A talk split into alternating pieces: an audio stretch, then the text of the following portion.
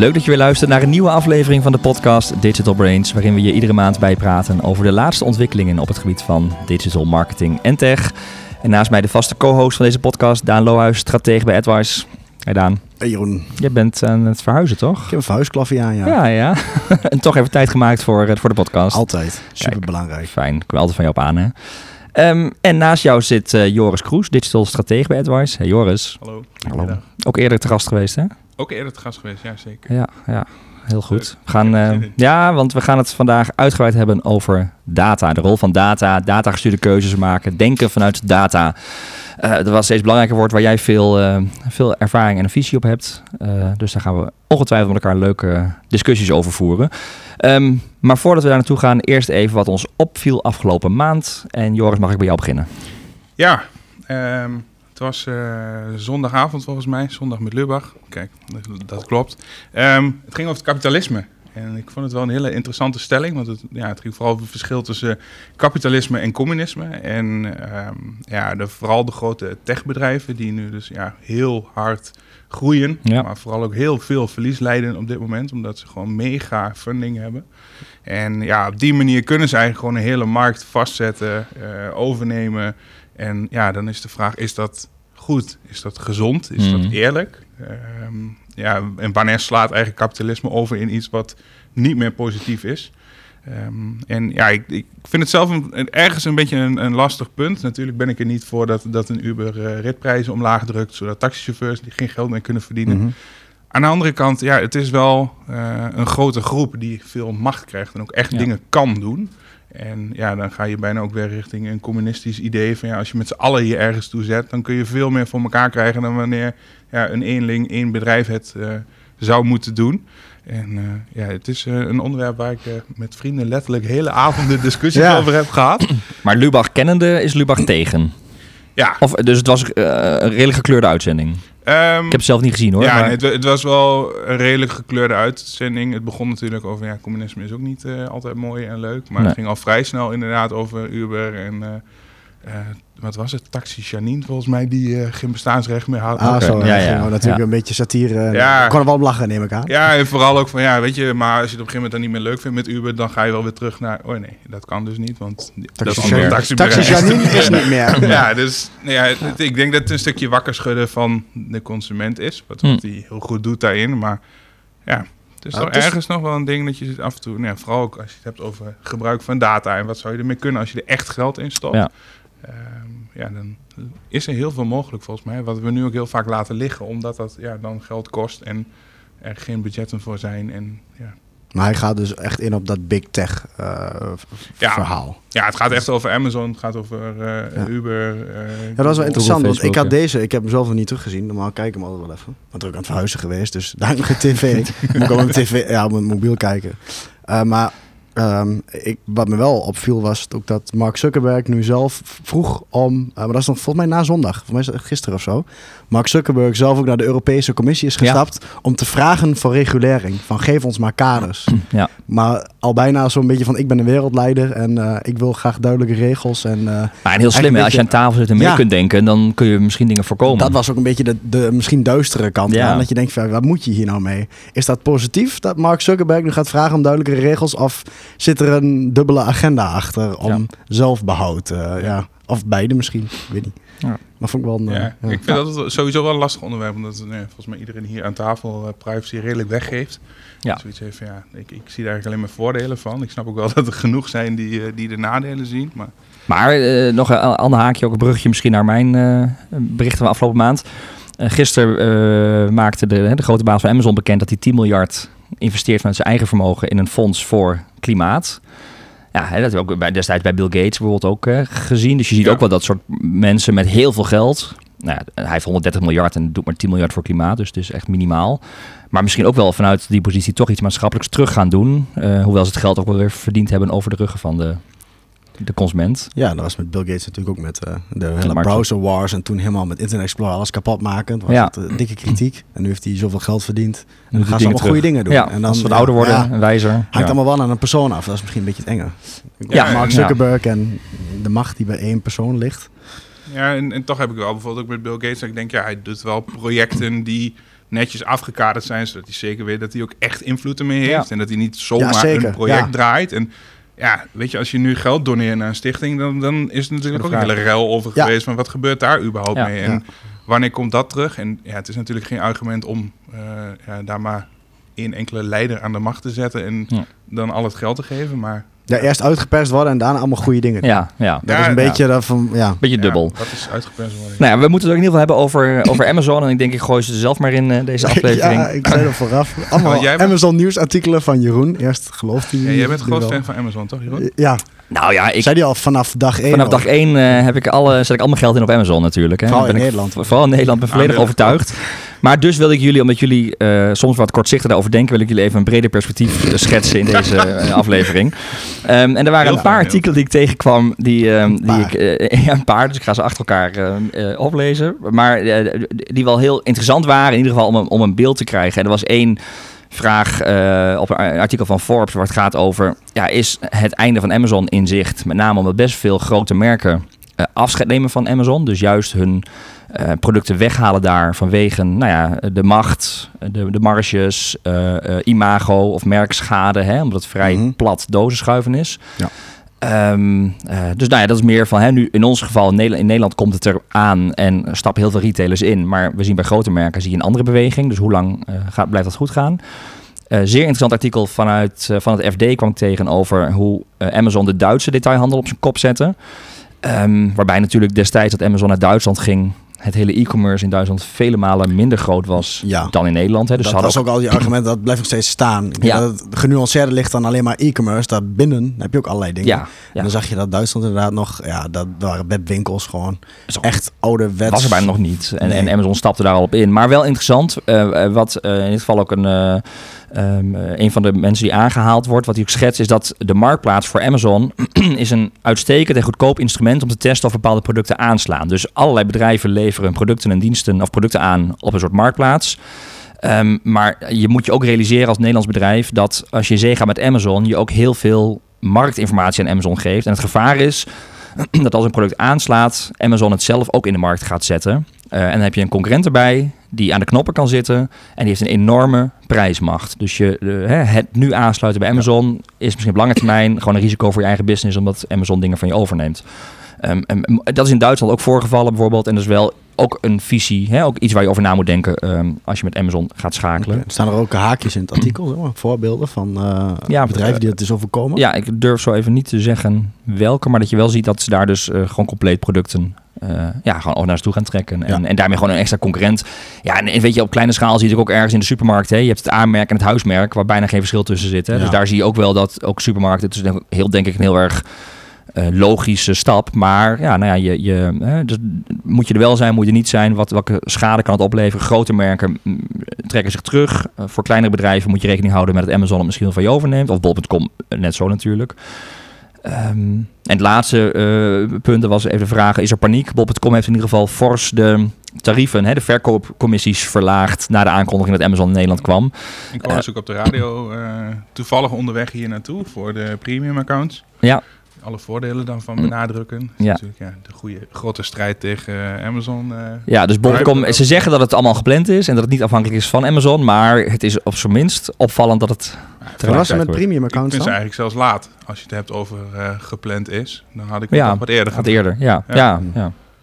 Select bedoel je, denk ik. Uh, ja. Bol.com Select? Ja, Bol.com ja, ja, nee, ja, ja, ja, dat heb ik, ik heb ik zelf ook. Ik gebruik het best wel veel. Mis ik met die, en dat zorgt echt wel van lock-in. Gewoon ook puur ja. luiigheid. Denk je, ja, ik heb toch geen verzendkosten. Dat denk ik ook, ja. Uh, ja je betaalt één keer 60 euro, dat is wel veel. Maar daarna ja, kun je alles gewoon ook een zondag laten bezorgen en zo. Dat soort dingen. Het, het gemak overwint nog wel. Volgens mij komt er sowieso wel een hele schifting in hoe je gaat shoppen, zeg maar, voor je alledaagse producten. Waar ja. moet ik dan naar een specifieke website toe gaan? Nou ja, de eens. Dat, ja. Uh, nou ja, en, en het laatste artikel was van Business Insider. Die ging heel erg over dat Amazon met advertising echt wel uh, uh, van Google en van Facebook flinke budgetten afsnoept.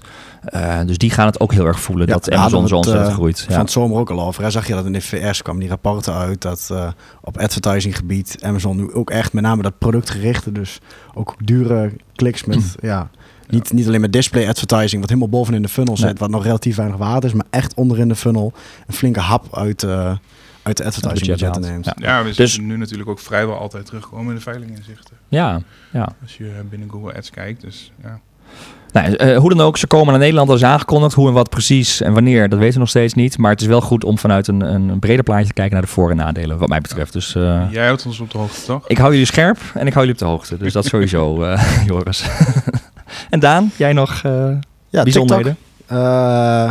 Er is, uh, TikTok heeft aangekondigd dat ze een self-service uh, uh, platform gaan starten. Dus vergelijkbaar met hoe je ook op Facebook kan adverteren. Of recentelijk, afgelopen, of afgelopen jaar moet ik zeggen, 2019, kwam natuurlijk Pinterest advertising uit. Het werd ook een self-service platform waardoor je eigenlijk iedere marketeer erop kan en advertenties kan gaan draaien.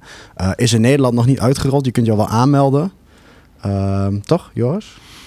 Ik heb de aanmelding nog niet gezien. Het liep in ieder geval eerder via een ander, uh, ja, eigenlijk een soort van mediabureau wat ertussen ja, zat. Creator Network, toch? Ja, Daar kon, dus het kon al langer, het alleen het is nu self-service geworden. Ja, ja, en dat is in Nederland nu ook uitgerold, uh, of wordt uitgerold. Ja. en we hebben toen ook wel uh, wat dingen samengewerkt met Creator Network. Een van de nadelen was, het is natuurlijk traag, maar ook de targeting was dan vrij globaal. Was uh, bijvoorbeeld, uh, toen zeiden ze, het staat ook regionaal, maar dat in Nederland is voor TikTok kennelijk gewoon een regio. Ja. toen we willen met een bepaalde adverteerder bijvoorbeeld, was het ja, je kon heel Nederland targeten en dan op leeftijd erbij en verder nog niet. En uh, ja, daar worden wel mooi wat, ja, wat stappen in gemaakt. Dus ja, je kunt je nu in ieder geval als Nederlander aanmelden in een formuliertje. En dan krijg je een berichtje als het beschikbaar is of een soort wachtlijst. En, uh, maar goed, ik denk wel als je een marketeer bent en je denkt, oh interessant adverteren, uh, ga eerst eens TikTok en als marketeer ja. zou ik zeggen, probeer even ja, wat voor content, ja, ja, wat voor content moet je maken, hoe werken die challenges? En ja, ja dat, dat, dat, is, dat, dat is super belangrijk dat je eerst snapt voordat je gewoon blind, want dat zag je ook op Pinterest en dat zag je ook op Instagram, Instagram gebeuren destijds. Het enige voordeel is, als je er op tijd bij bent, hebben we ook met Pinterest gezien, uh, en ook bij Snap hebben we ook heel veel uh, gedaan. Ja. Um, dan zijn gewoon de klikprijs. Want de concurrentie op zo'n self-serve platform nog heel laag is in het begin. Je bent er als eerste bij. Kost het echt geen fluit om bereik in te kopen. Dus als je en een goede boodschap hebt die aansluit op platform, dan kun je echt gigantische impact maken. Veel voordeliger dan op andere bestaande kanalen waar iedereen eigenlijk al op zit als ja. marketeer. Ja, en volgens mij moet je een beetje het geluk hebben dat jouw niche er net uh, aanwezig is als je op een niche zit. Ja. Uh, want je ziet gewoon over het algemeen dat ze hebben nog niet zoveel data. Het advertentiegedeelte is nog niet zo geavanceerd dat je nee. heel strak kunt targeten. Uh, sommige platformen kunnen het überhaupt niet. Ik bedoel, een Snapchat weet gewoon vrij weinig over hm. iemand. Dus dat gaat meer op bepaalde gebeurtenissen die ze weer koppelen aan geolocaties en op die manier. Hm. En, ja, ik denk wel, zoals Pinterest is echt wel een groter geweest uh, afgelopen tijd die eraan is gekomen. Ja. Dat ze daar natuurlijk wel van weten waar de traffic naartoe gaat, wat het onderwerp is. Uh, het is wel een beetje soms het imago van een platform, wat ik, uh, wat ik zelf zie in gesprek met andere marketeers, klanten in dit geval. die denken vaak van ja, TikTok, dus, dus dat is zijn jongeren. Dat klopt ook. Die zijn voor, waarschijnlijk voor 90% zijn dat jongeren. Of van 95%. Maar er zit ook een segment in van die 5%. Uh, die wat uh, volwassener is. En die kun je dus met leeftijd targeting bijvoorbeeld wel targeten. Dus niet zo van TikTok, dus mijn doelgroep is jongeren. Nee, er zit ook, als waarschijnlijk als je straks met dat platform self-service kunt doen, dan kun je bijvoorbeeld ook de bovenkant van de demografie pakken daar.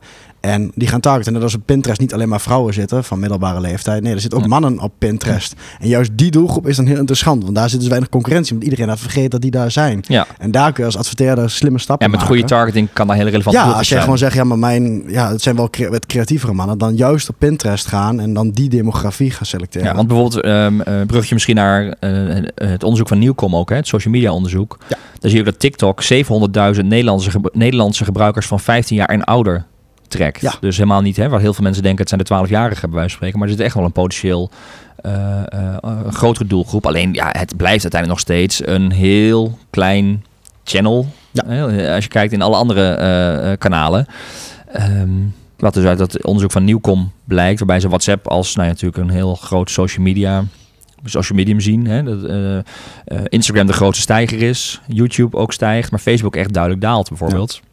En YouTube is inderdaad heel erg opgevallen. Dat viel mij al op, want ik heb hem ook een paar keer... 14 Met presentaties, pitches, of ja. bij congressen, wat dat onderzoek van Nieuwkom vaak aangehaald. En ik vroeg me altijd af, hele afgelopen jaar, van wat is YouTube toch vlak? Maar het is inderdaad dit jaar veel meer nog gaan stijgen ja. uh, dan, uh, uh, dan het verleden jaar. Want het was altijd redelijk stabiel. Ja. Hij groeide altijd mild. En nu, dit jaar was YouTube echt even een klap gemaakt. en mijn eigen paradepaardje twi Twitter ook oh, ja. 25% gestegen. Oké. Okay. Ja. Doe je goed, Jeroen. Ja, dat is mijn promotie helpt. Ja. Is het onderzoek, wat dat gecheckt? je gelooft het weer niet zeker. Iets te rooskleurig. ik weet niet. Ze hebben mij geïnterviewd, denk ik. Nee. Ja. Twitter wat stijgt. Hm. Ja, ja, nee. Je moet het, jullie moeten het maar weer eens gaan gebruiken, jongens. Dat is echt... eh, Ja, nieuwkomen is wel het onderzoek altijd. eh, Ja, nee, ja, soms ook. En omdat als, ze als die onzin roepen, dan, kom, dan wordt dat ze vrij snel ontdekt ook. en dat vind ik het mooie van het onderzoek van Nieuwkom. Ze doen het jaar op jaar op jaar. Hè. Dus Ja. ze hebben zoveel eh, inzicht in dezelfde manier van, van uitvragen... dat je dat heel goed kunt vergelijken. En de exacte aantallen zijn misschien discutabel. Hè. Dat is ook aannames. Maar je ziet wel trends heel mooi in, het, eh, in het onderzoek terug. Ja. Ehm, en misschien nog even goed, wat we ook even moeten bespreken... is eh, in het kader van social media is dat, en privacy... dat Facebook een nieuwe feature gelanceerd heeft. Nieuwe functionaliteit gelanceerd heeft. Ehm, je kunt namelijk in je profiel ook je off-Facebook activity zien... en daar ook je keuzes in maken. Want eh, jullie weten dat waarschijnlijk beter. Ergens heb je pixels die kunnen je gedrag op een website kunnen koppelen aan je Facebook-profiel, eh, Daan. Ja, ja, dat was toen, al- dat begon het ook een hele tijd geleden mee ook, dat eh, Facebook niet zo goed bezig was. Hadden we wat rechtszaken gekregen in, in Spanje onder andere en allemaal voor GDPR. Dat die like-button natuurlijk, die overal staat, dat die je gewoon trackte. Nou, tegenwoordig is het wel Ja. anders. Ja, maar je kon zelfs eh, zeg maar, niet op Facebook zijn. Ja. En toch kon Facebook data Niet van je eens- verzamelen. Ja, je kon uitgelogd zijn. Je Ja. kon eh, volgens mij zelfs niet eens meer je pro- Facebook-profiel opheffen. Maar nog ging je meekijken, eh, gaf hij jou een tracker. Ja. En eh, kon Facebook wel ja, jouw activiteit gedrag volgen. toevoegen, ja. ja. Ja, volgens mij staat hij op de soft login. Waarbij je inderdaad, ja, als je kent, je komt op het platform en je naam staat er eigenlijk al. Dus hij weet al wie je bent. Ja. Ja. Ehm, En heeft een van jullie hier al naar gekeken in zijn eigen profiel? Ik heb hem nog niet in mijn eigen profiel bekeken. Ik denk wel dat het een hele goede is. Ehm anderzijds, ja, tegenwoordig met eh, de hele AVG-wetgeving geef je in principe natuurlijk ook toestemming om dat soort data op te slaan. Ja. Ehm, en het is gewoon een heel stuk in de bewustwording volgens mij van mensen die er moet zijn. Ehm, maar ja, ik zie het ergens ook wel eens als een voordeel. Want ja, als jij een website bezoekt en die mensen denken allemaal dat je nooit wat hebt gekocht. En ze blijven maar targeten en ze blijven maar dingen doen.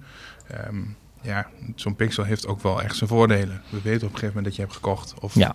niet hebt gekocht of weg bent gegaan. Ja, hier hebben we het ook eerder over gehad. Eh, soms zeggen we dan laat me maar vooral targeten, want dan krijg ik namelijk relevante uitingen in plaats Ja. van niet relevante Ja. uitingen. En ik heb liever relevante advertenties dan compleet onzinnige advertenties. Daar ga ik me meer aan irriteren. Ja, ja, ergens is er een bepaalde balans tussen dat we toch iets zullen moeten toestaan om te zorgen dat het lekker gaat werken. En zodat Ja. we, ja, want over het algemeen vinden mensen nieuwe dingen kopen toch gewoon leuk.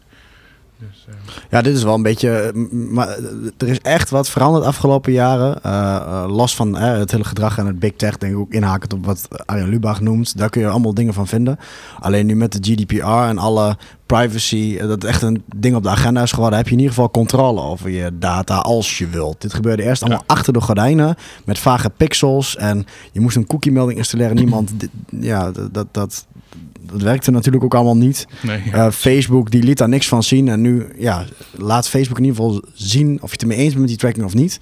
Facebook laat in ieder geval zien wat ze verzamelen. Het is Ja, en je kunt je geschiedenis wissen. Dus je kunt Ja, je ook kunt gewoon het- zorgen dat je profiel even opgeschoond Ja. eh, wordt. En nou ja, ik, ik ja, vind het wel interessant. Hè? Bijvoorbeeld, ik, nou ja, als voorbeeld NL Ziet, eh daar gebruiken wij eh, sinds onze andere podcast. Ja. eh, eh, gebruik ik in ieder geval in het kader van de cable cut. geen kastje meer, maar, maar via NL Ziet kijk ik naar televisie. Ja, ik kan precies binnen Facebook zien dat ik eh 17 februari nog voor het laatst NL Ziet, terwijl ik er helemaal niet bewust van ben, want ik zit gewoon in de app van NL Ziet, maar Facebook weet dat dus ook. Ja. Dat is Eh, al die offsite activity. eh, Ja. Ja, en, en ik heb van het weekend wat op Marktplaats gezet. Dat weet Facebook ook. En, en welke eh, nieuwsberichten, nieuwsites ik zoek. En, en zelfs mijn Kobo-reader van Bob.com weet, weet Facebook. ja? Dus, ja, dus ze, zijn, ze weten echt wel heel veel. En dat kun je dus wissen. Of op zijn minst gaan beheren. En ja, bewust, bewust van van zijn. dat het, ja. Ja, ja. Dus nou, we gaan een linkje naar ehm, eh, de uitleg hoe je dat kunt vinden. En, en eh, gaan we in- toevoegen aan onze show notes. Ehm, nou ja, dit is ook eigenlijk ook een deel waar we het over hebben in deze aflevering. Data. Ja. Eh, hier gaat het over ook een stukje inzicht in je eigen data hebben. Regie voeren op je data. Maar als marketeer zijn we ook soms heel erg blij met al die data. Want we kunnen data gestuurd relevantie eh, leveren voor consumenten. Of, of nou, in ieder geval voor gebruikers. En daarin campagnes optimaliseren. En, en, en daarna even gewoon het, het hele data, de datawereld, waar, waar, waar, ja, hoe belangrijk is data voor marketing geworden? ja, hoe ik het eh, eh, eh, ook een beetje naar deze aflevering toe. Want data is een knettertje breed onderwerp natuurlijk. Uh, data kan IT zijn, data kan marketing zijn. Uh, Big data, data kan ja. statistieken zijn in, op landniveau. het kan van alles zijn.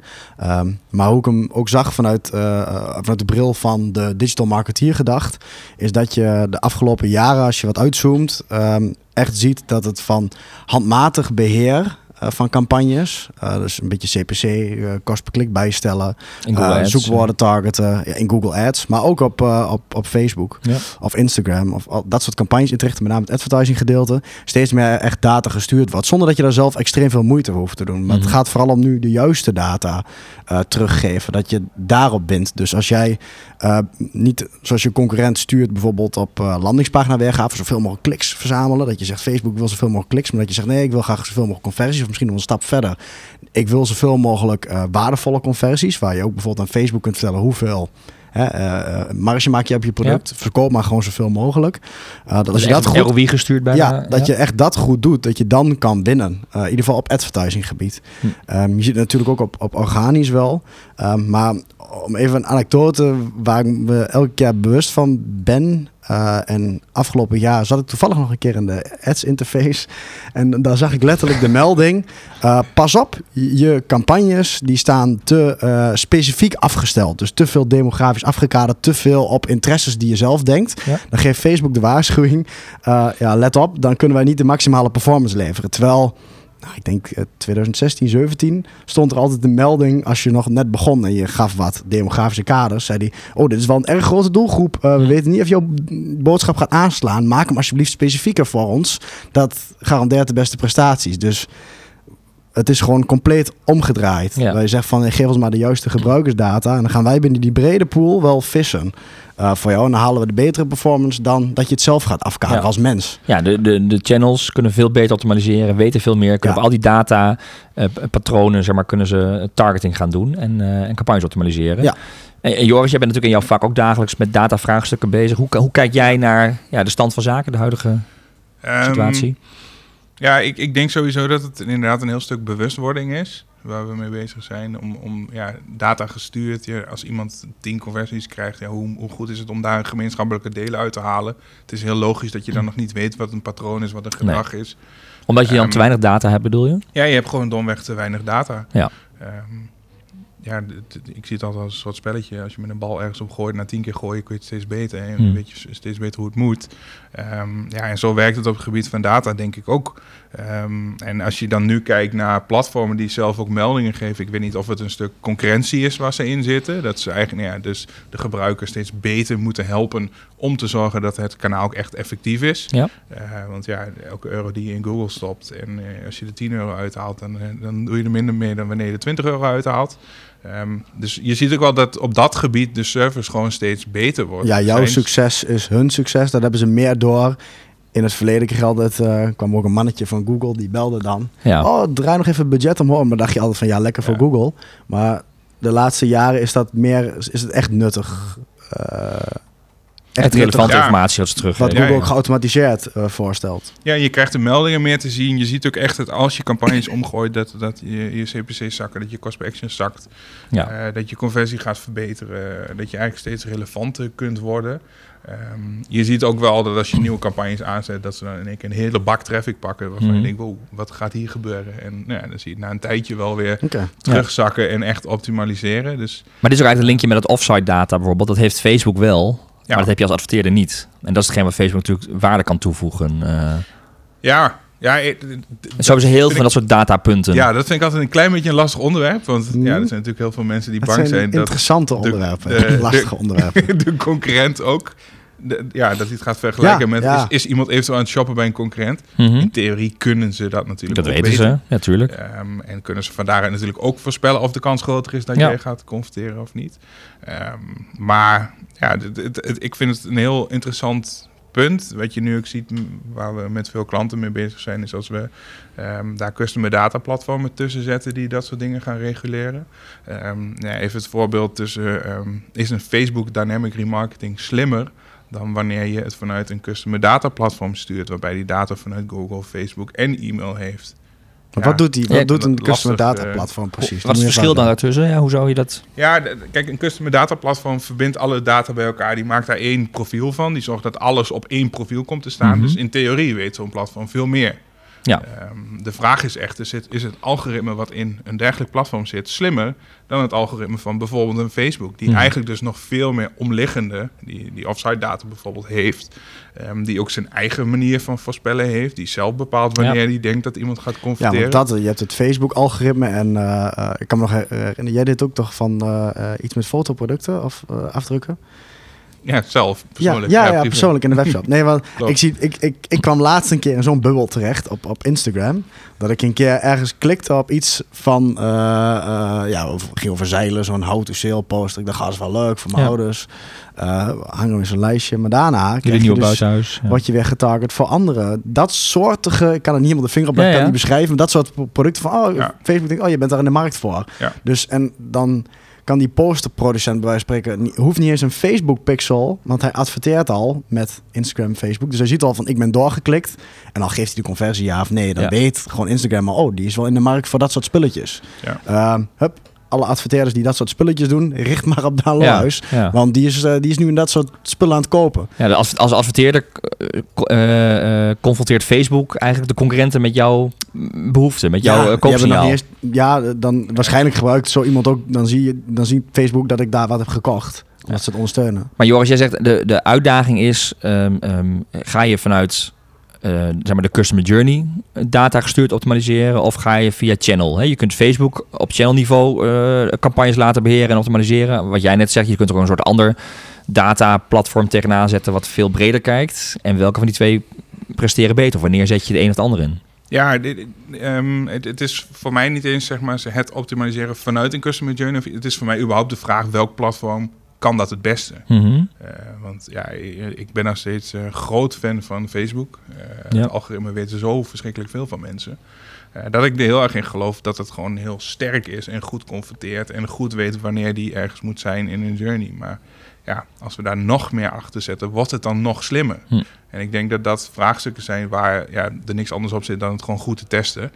Ehm, want uiteindelijk zul je alles altijd gewoon moeten testen of dat ook daadwerkelijk voor jou het beste Ja, het kan werkt. per merk natuurlijk per Ja. product verschillen. Ja, en, en ja, ik denk ook dat dat wel een beetje een introductie is richting het, nou ja, het, het denken vanuit data sowieso. Van, ja, ehm, eh, is een algoritme algemeen? Of is het eigenlijk specifiek voor jouw niche ook het beste algoritme wat er is? Ja, ja. Kun je het misschien beter zelf gaan voorspellen? Ehm, wordt het dan slimmer? Want ja, je hebt waarschijnlijk toch meer kennis van jouw eigen markt. Mhm. En daar zie je dus wel de combinatie tussen een, een, een goede strategie, ehm, het op de juiste manier inzetten van data en daar uiteindelijk ehm, het beste resultaat uithalen. Maar wat nou als je dus begint... Ik ben een adverteerder en ik heb toevallig postertjes ben ik aan het verkopen. En ik heb al Leuk. een Facebook... eh, ik ben een concurrent van jou geworden. Oh, dat is minder leuk. nee, ik doe andere Ik dacht postertjes. dat je mij kwam helpen. Nee, oh ja, dat, dat is ook goed. Oké. En eh, ik adverteer al. Hè. Ik heb de Facebook Pixel, ik heb de Google Pixel, eh, de, de Pinterest eh, Pixel, die staat er ook op. Allemaal leuk. Ik ben mijn campagnes aan het schakelen. Ehm, wat zou dan zeg maar, stap 1 zijn en wat, en wat brengt dat mij?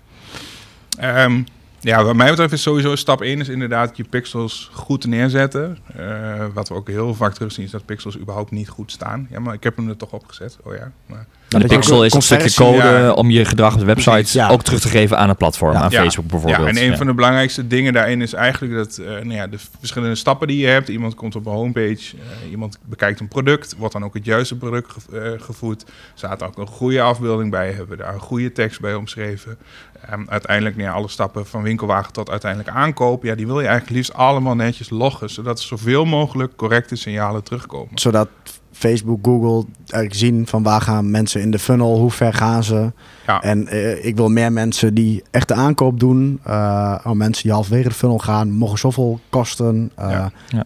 Ja. en daar zit inderdaad nog dat de, de ouderwetse gedachte is van ik ga bepalen hoeveel iemand mag kosten. ja. Terwijl eigenlijk wat je nu zegt, ja, er zit gewoon een stuk automation achter. Regel het maar. Ja. Kijk maar. Je Ehm, geeft je, je, je, je, je, je marketingbudget of zo, of je, je rendement op en daar gaan die platforms zorgen dat ze daar gewoon binnen blijven. Ja, ja je kunt eigenlijk beide doen. Je kunt inderdaad een soort van budgetten gaan cappen. Dat wil je eigenlijk niet. Want ja, als iemand uh, kan converteren voor 5 euro en hij staat net op 4 euro, dan zal hij dus niet meer op gaan bieden. Ja, nee.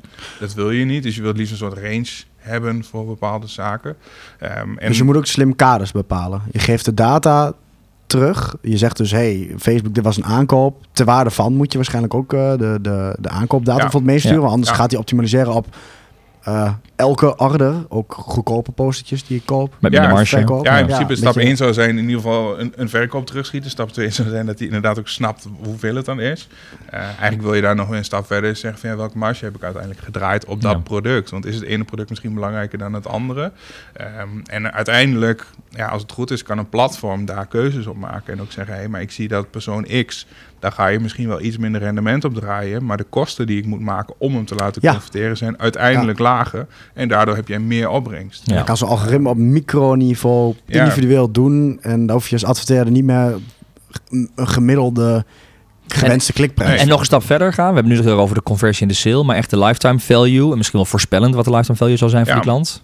Ja, dat, dat zou nog mooier zijn natuurlijk. Um, en ik denk wel dat daar komt ook het punt tussen uh, echt data gedreven zijn en misschien iets minder data gedreven. Kijk, heel veel winkeliers zullen je ongeveer kunnen vertellen, ja, ik verkoop daar het meeste van. Ja, Of dat dan 20% is of 40%. Of, ja, of daar uh, keren klanten voor terug het andere product nooit, want het kost maar één keer. Ja, en, en, dat is echt assortimentkennis. En ik denk dat je dat eigenlijk alleen vanuit data zo'n beetje kunt doen. Want ja, je zult ergens moeten gaan vinken wat verkoop ik nou precies en hoeveel. Um, ja, en dan zou een platform daarmee dus de juiste mix voor jou kunnen maken. En de, als, zolang het de juiste signalen heeft, kan het ook gaan bepalen inderdaad van hey, dit, dit, is een product wat iemand nu voor de eerste keer koopt met misschien een wat lager rendement. Maar we zien eigenlijk dat combinatie altijd product A is en een maand later product B, waar ja, wel een hele hoge marge op zit. elke maand weer. Of inderdaad een, een, een, een, product met een hele hoge aankoopfrequentie. Ja. Um, en daar, um, ja, daar, daar, daar, kun je ook hele mooie um, analyses op doen. Uh, daar kun je heel veel dingen op sturen. En ja, dat is inderdaad ook een beetje de vraag van ja, kun je dat beter zelf doen, zo'n analyse, of snapt het platform het al? Ja. En vooral dat laatste, daar twijfel ik altijd een beetje aan. Want ja, um, en Google kan mij niet vertellen dat ze een ander algoritme hebben voor, uh, voor 200 verschillende industrieën. Daar zal ergens een soort algemene deler in zitten. En is die algemene delen slim genoeg? Je bedoelt, ze doen bepaalde aannames die jij misschien in je eigen vakgebied, in je eigen markt beter kent dan wat de platforms doen. Ja, dat zou kunnen. En, en daar wil je dus misschien uh, uh, gaan sturen. Dus inderdaad, uh, nou ja, het helpt al als je marges meestuurt. je kunt bepaalde prio-producten aanmaken. Je kunt daar wel slimme dingen in doen. Want dat is echt het stuk data wat, waar de marketeer van nu eigenlijk werk in moet gaan. En bijna je datastrategie. Ja, wat... van hou op met optimaliseren en de knopjes draaien bij Facebook. Zorg dat je die data op orde hebt en dat kan aangeven. Dat je weet wat zijn je margeproducten, ja. wat zijn de aankoopfrequenties uh, per uh, product of dienst, wat zijn relevante segmenten binnen mijn klantenkring. Ja. Dat je dat soort dingen gaat ja. voorsorteren. Ja, het is natuurlijk wel, uh, jullie zeiden eerder van ja, wat zou stap 1 zijn? Ja. Als je net begint en, en er worden nog geen grote volumes gedraaid, dan hoef je nog niet direct na te denken over dat soort analyses. Maar ja, je kunt er al wel bepaalde gedachten over hebben, mee beginnen uh, te denken, en, wellicht een strategie opvoeren. Um, hele simpele dingen, zoals bijvoorbeeld op een website zorgen dat de volgorde van je producten klopt. Um, ja, is het ook echt wat ik daadwerkelijk het meeste heb verkocht? Maar als ik dan product X in de winkelwagen heb, wil ik dan misschien product Y aanbevelen of moet dat een ander zijn? Dat zijn eigenlijk relatief eenvoudige stappen. Maar bijna dynamisch ga je dan dus je, je content aanpassen. Je, je, ja, je is winkel, stap 2? Uh, oh ja, je kunt het handmatig doen, maar inderdaad ook gewoon dynamisch door, door een, een tool. Die, ja. Er zijn heel veel tools natuurlijk in gespecialiseerd. Ja, die zeggen dan vanuit data zien we dat mensen dit product nemen, nemen ook vaak dat product. Dus die ga je op dat moment in die funnel aanbieden. Ja, ja. exact. Ja, het is een beetje als de winkelier die, die zijn winkel indeelt. Ja. Die zegt, oké, okay, dit zet ik bij de ingang, dit zet ik in de etalage, ja. uh, dit ligt bij mij naast de kassa. Ja, de groenteboer die zegt van, goh, sinaasappels, hé uh, hey Joris, wil je ook niet wat dan dat meenemen? is nu een aanbieding, want ja. is vorige week Alleen waarvan, waarvan een winkelier dat de hele, winkelstra de hele winkel op die manier inricht, kun, kun je dat digitaal natuurlijk voor iedere individu persoonlijk maken en uniek maken ja. op basis van die data. Ja, want het, het kan veel sneller, het kan veel beter. Je ja. kunt veel meer signalen daarin meenemen. Um, ja, misschien uh, weet de winkelier niet dat het aan de kleur schoenen ligt die iemand heeft eigenlijk wat hij gaat kopen. Ja. Want er, er zijn zoveel dingen dan die... Dan is het algoritme wat dat verschil maakt. Weer op zo'n klein detailniveau. Die kan 800 signalen in de gaten houden. En de winkelier en jij als persoon maar drie. Ja, ja. Zo hm. zie ik het inderdaad wel. En, en, als je dan die gedachte een beetje hebt, die, die kracht die data zou kunnen hebben, ja, het voelt altijd een beetje als ja, welk stuk zou ik zelf niet kunnen bevatten? Maar wat zou er wel kunnen wat zijn zou je willen weten, data het uh, zou kunnen doen? En dan denk ik wel dat je op bijna elke uh, business case, zeg maar, data kunt loslaten. Als je maar lang genoeg waarom vragen blijft stellen. Maar hoe komt dat dan? Waar komt het ja. dan vandaan? Uh, en, en daar gewoon in blijven zoeken en in blijven spitten. Um, ja, volgens mij kun je dan hele, hele mooie dingen. En, en uiteindelijk is het natuurlijk wel belangrijk dat je gewoon de juiste data binnenkrijgt, gestructureerd ja. opslaat. Hè, uh, zodat je analyses kunt doen, dat je ja. je dingen kunt afvragen. Uh, daar begint het natuurlijk wel mee. Eerst überhaupt nagaan welke data hebben we, hoe goed is die, hoe kwalitatief is die, hoe kunnen we die kwalitatiever maken. En dan wat kunnen we vervolgens meer zelfsturend mee. Ja. Exact. Dat is de reden dat wij altijd beginnen met het scannen van zaken. Uh, Ja. Audits doen, kijken hoe staat het ervoor. Wat zien wij terug als we er echt helemaal blanco naar kijken? Klopt dit dan met het beeld wat jij hebt vanuit Ja. je back-office bijvoorbeeld? Ja, want als je je back-office hebt en die moeten, als je vraagt van, goh, wat zijn er de marges per product? En eh, ze kijken elkaar met grote vraagtekens in de ogen na. Zeggen, oh, dat, dat moeten we even zoeken. Eh, volgende week krijg je een mail van ons. Ja. Dan, Maar we hebben wel eens in data-analyses bij klanten ook gewoon compleet nieuwe doelgroepen gevonden. Hè? De, he- de hele klant dacht, Ja. onze doelgroep is eh, A. eh, en wij zagen op basis van de data dat doelgroep B ook een echt serieuze en misschien een potentiële doelgroep is die ze Ja. voor, voorheen nooit benaderden. Ja, zeker. Ehm, en dat is ook altijd een klein beetje de balans inderdaad van... ehm, als je campagnes begint en je hebt het bijvoorbeeld over leeftijdstargeting. Ja, ik Ja. vind het ergens altijd een beetje spannend. Want ik denk, waarom zou ik daar zelf nu caps op zetten en zeggen... Ja, maar jij bent niet welkom. Ja, dat is interessant. Dus jij zegt eigenlijk, misschien moet je het wel loslaten en dat aan het algoritme overlaten. Ehm, mits alles goed staat, zou ik het zelf loslaten. En als het goed is, zie je het ook terug. En als je terugziet dat het eigenlijk keer op keer een, eh, een fout is die een algoritme maakt. Ja. Kijk, eh, als wij hele groepen, leeftijdsgroepen terugzien die nooit converteren. Dus ja, je moet ook analyseren wat de Dan- resultaten op die manier ook zijn Exact. natuurlijk. Ja. Ja. en dan ga je er eigenlijk vanuit dat het platform het zelf gaat uitsluiten. Ja. En dus niet meer gaat uitserveren. Maar ja, ergens kun je misschien die error er ook zelf wel uithalen door dat dan inderdaad te cappen. maar dan is wel de voorwaarde dat je de juiste data aanlevert. Toch? Want als je dus geen conversiedata aanlevert of geen conversiewaarde.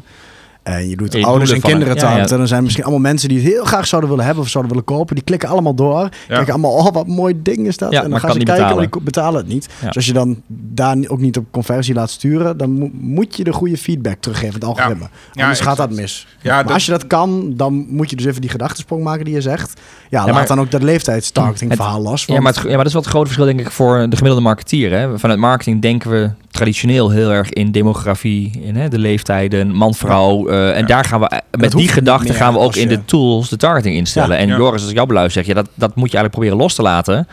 Laat het algoritme maar voor je werken. Analyseer goed welke data terugkomt. En ga dan eventueel bijsturen door targeting toe te gaan voegen. Maar laat maar eerst kijken of dat algoritme het zelf niet gewoon beter weet. Ja, deels. Nee, ik wil het natuurlijk niet volledig loslaten, maar het is inderdaad wel een beetje de, de, ehm, de tendens die er nu is. En ook waarvan je echt ziet dat het de beste resultaten behaalt. Ja, Ja. dus we moeten ons bewust zijn van, het- van die bias die je nog hebt als Ja. marketeer. Vanuit Van het vroeger, vroeger uit, vanuit plat denken. Dat, eh, De intelligentie is zo ver dat we dat misschien beter daar kunnen neerleggen in plaats van daar zelf nog heel veel Ja. invloed op willen uitoefenen. Ja, ik denk dat een voorbeeld ook inderdaad eh, iets als bijvoorbeeld persona's is. Ja. Moet je nog persona's maken? Ik geloof wel in persona's vanuit de gedachte dat je dan je creatie zeg maar, Creativiteit, beter ja. kunt doen. Met een wanneer beeld iemand van- voor je hebt. persoon voor Alleen, ogen, ja. om heel eerlijk te zijn, die persona gebruik ik niet om mijn campagne te gaan inrichten. Hm. Ehm, tuurlijk snap ik dat als er bepaalde interesses zijn of eh, eh, dingen zoals iemand die net verhuisd is. Ja, als ik dan dat soort groepen kan vinden, dan Mhm. ga ik ze uiteraard targeten. Maar ehm, ja, of iemand dan 23 ik heb nog of een paar mooie 28 nieuwe posters nodig. Nee, dat, Ja. dat, dat maak je dan niet zoveel uit, bedoel je? Nee, nee. Nee. dan eh, gooi ik het liever gewoon lekker breed erin en dan zien we wel wat het beste Ja, is. zorg Ja, gewoon en- dat die data voor elkaar Ja, is. en andersom natuurlijk ook. En dan je, Data kan ook bijdragen aan het creëren van persona's. Je kunt ook data gestuurd bijna je persona's gaan ontwikkelen. Ja. eh, op basis van data die je al hebt. En, Ja. en heel veel toetsen of da- persona's die je voor ogen hebt kloppen met de data, wat we terugzien. Ja, dat zie je natuurlijk vaak terug in bepaalde dataprojecten, waarbij we eigenlijk inderdaad vanuit de data gewoon gaan kijken. Waarbij we zeggen, nou ja, de X en de Y'a's die laten we gewoon volledig los. We gaan gewoon kijken vanuit de data welke combinaties zien we in wellicht demografie, leeftijden, eh, aankoopgedrag, producten, ehm, wat het maar mag zijn. En maak daar maar gewoon een soort clusters van vanuit die data. En ja, dan noemen we de- die cluster, zeg maar, die geven we dan wel eh eh persona Ja, aan. ja, en die heeft Ja, ja, hele rare variabelen waar je als mens nooit een persona op, op zou stellen. Nee. Wat jij zei van iedereen die toevallig rode schoenen heeft met, eh, eh, met, met van die happy socks erin. Dat is precies onze Ja. doelgroep en daar kom je als mens misschien niet op. Ja, Maar hm. ja, het algoritme heeft het dan door en van... Hey, die zijn uiteindelijk, uh, we praten nu heel erg over het perspectief vanuit de adverteerder. En het juiste doel om je businessdoel te denken te halen. Maar uiteindelijk hebben we ook te maken met gewoon de ontvanger. Degene die in zijn tijdlijn die, die advertenties ziet. Mhm. Ehm, waarbij we ook heel erg waken van zorg dat je relevant bent. Maar zeg jij hiermee ook dat de algoritmes eigenlijk ook zorgen dat je relevant bent? Natuurlijk, los even van de content inhoudelijk. Uh, maar, maar de algoritmes ja, zorgen sowieso dat je alleen maar relevante uitingen te zien krijgt. Ja, als het goed is wel. Ja. Um, en daar zit inderdaad een stukje inrichting van je campagnes. Uh, waarbij als je visueel werkt toch altijd in minstens twee, drie verschillende beelden wil gebruiken, zodat je zeker weet dat dat aanslaat. Mhm. Maar dat is wel een beetje de structuur ook van, ja, weet je, ik weet niet uh, of iemand rood of groen wil zien. Ik gooi ze er gewoon allebei in en ga maar sturen. wel, ja. Want ja, ik vind dat ook nog wel eens met AB-testing bijvoorbeeld zo'n ding. Dan, dan, ja, je maakt eigenlijk uh, twee groepen en dan zeg je, oké, deze groep die, uh, die is 60 en de andere is 40, dus we gaan voor variant A, want dat is 60%. Ja, maar die andere 40 dan, als ik nou gewoon personalisatie kan toepassen en die ook het juiste kan laten zien. Gewoon verschillende boodschappen. Ja, het is niet twee variabelen. Het, is gewoon, het zijn er 800. Ja, het is oneindig. Het ja. het zijn er een soort van oneindig geworden. En daar moet je zelf in sturen en analyseren. Maar ook dynamische content die uit ja, want dat, dat vind ik een heel interessant. Want daar hebben we het nu nog niet over gehad. Want nu gaat het vooral het algoritme en de kosten die we maken over distributie. Zeg maar, mhm. van wat, wat, maar aan wie toon je het? aan wie toon je het en, en hoeveel geld hebben we ervoor over? Wat doet diegene? Maar de boodschap zelf en de creativiteit. Ik denk als je het hebt over een bias van een marketeer, is het ook nog heel erg zo dat je een campagne ontwikkelt. Dan doe je een paar stijlen. Ja. Tegenwoordig maken we het allemaal op social, maar we denken niet over na dat we misschien wel van één shot of één boodschap misschien 800 variantjes moet maken en gewoon alles lekker de wereld in kunnen gooien. Ja. En, laat maar losgaan. Daar het algoritme de werk kunnen doen om iemand in die fase van de customer journey net even over de streep te trekken of net even de aandacht te trekken. Ja. Daar kun je zoveel uh, meer variatie en ook maar waar, iteratie in doen. Maar waar is dan de toegevoegde waarde van de marketeer nog? Nou, dat, dat, dat proces, die kaders, denk ik. En een stuk creativiteit natuurlijk nog, super belangrijk.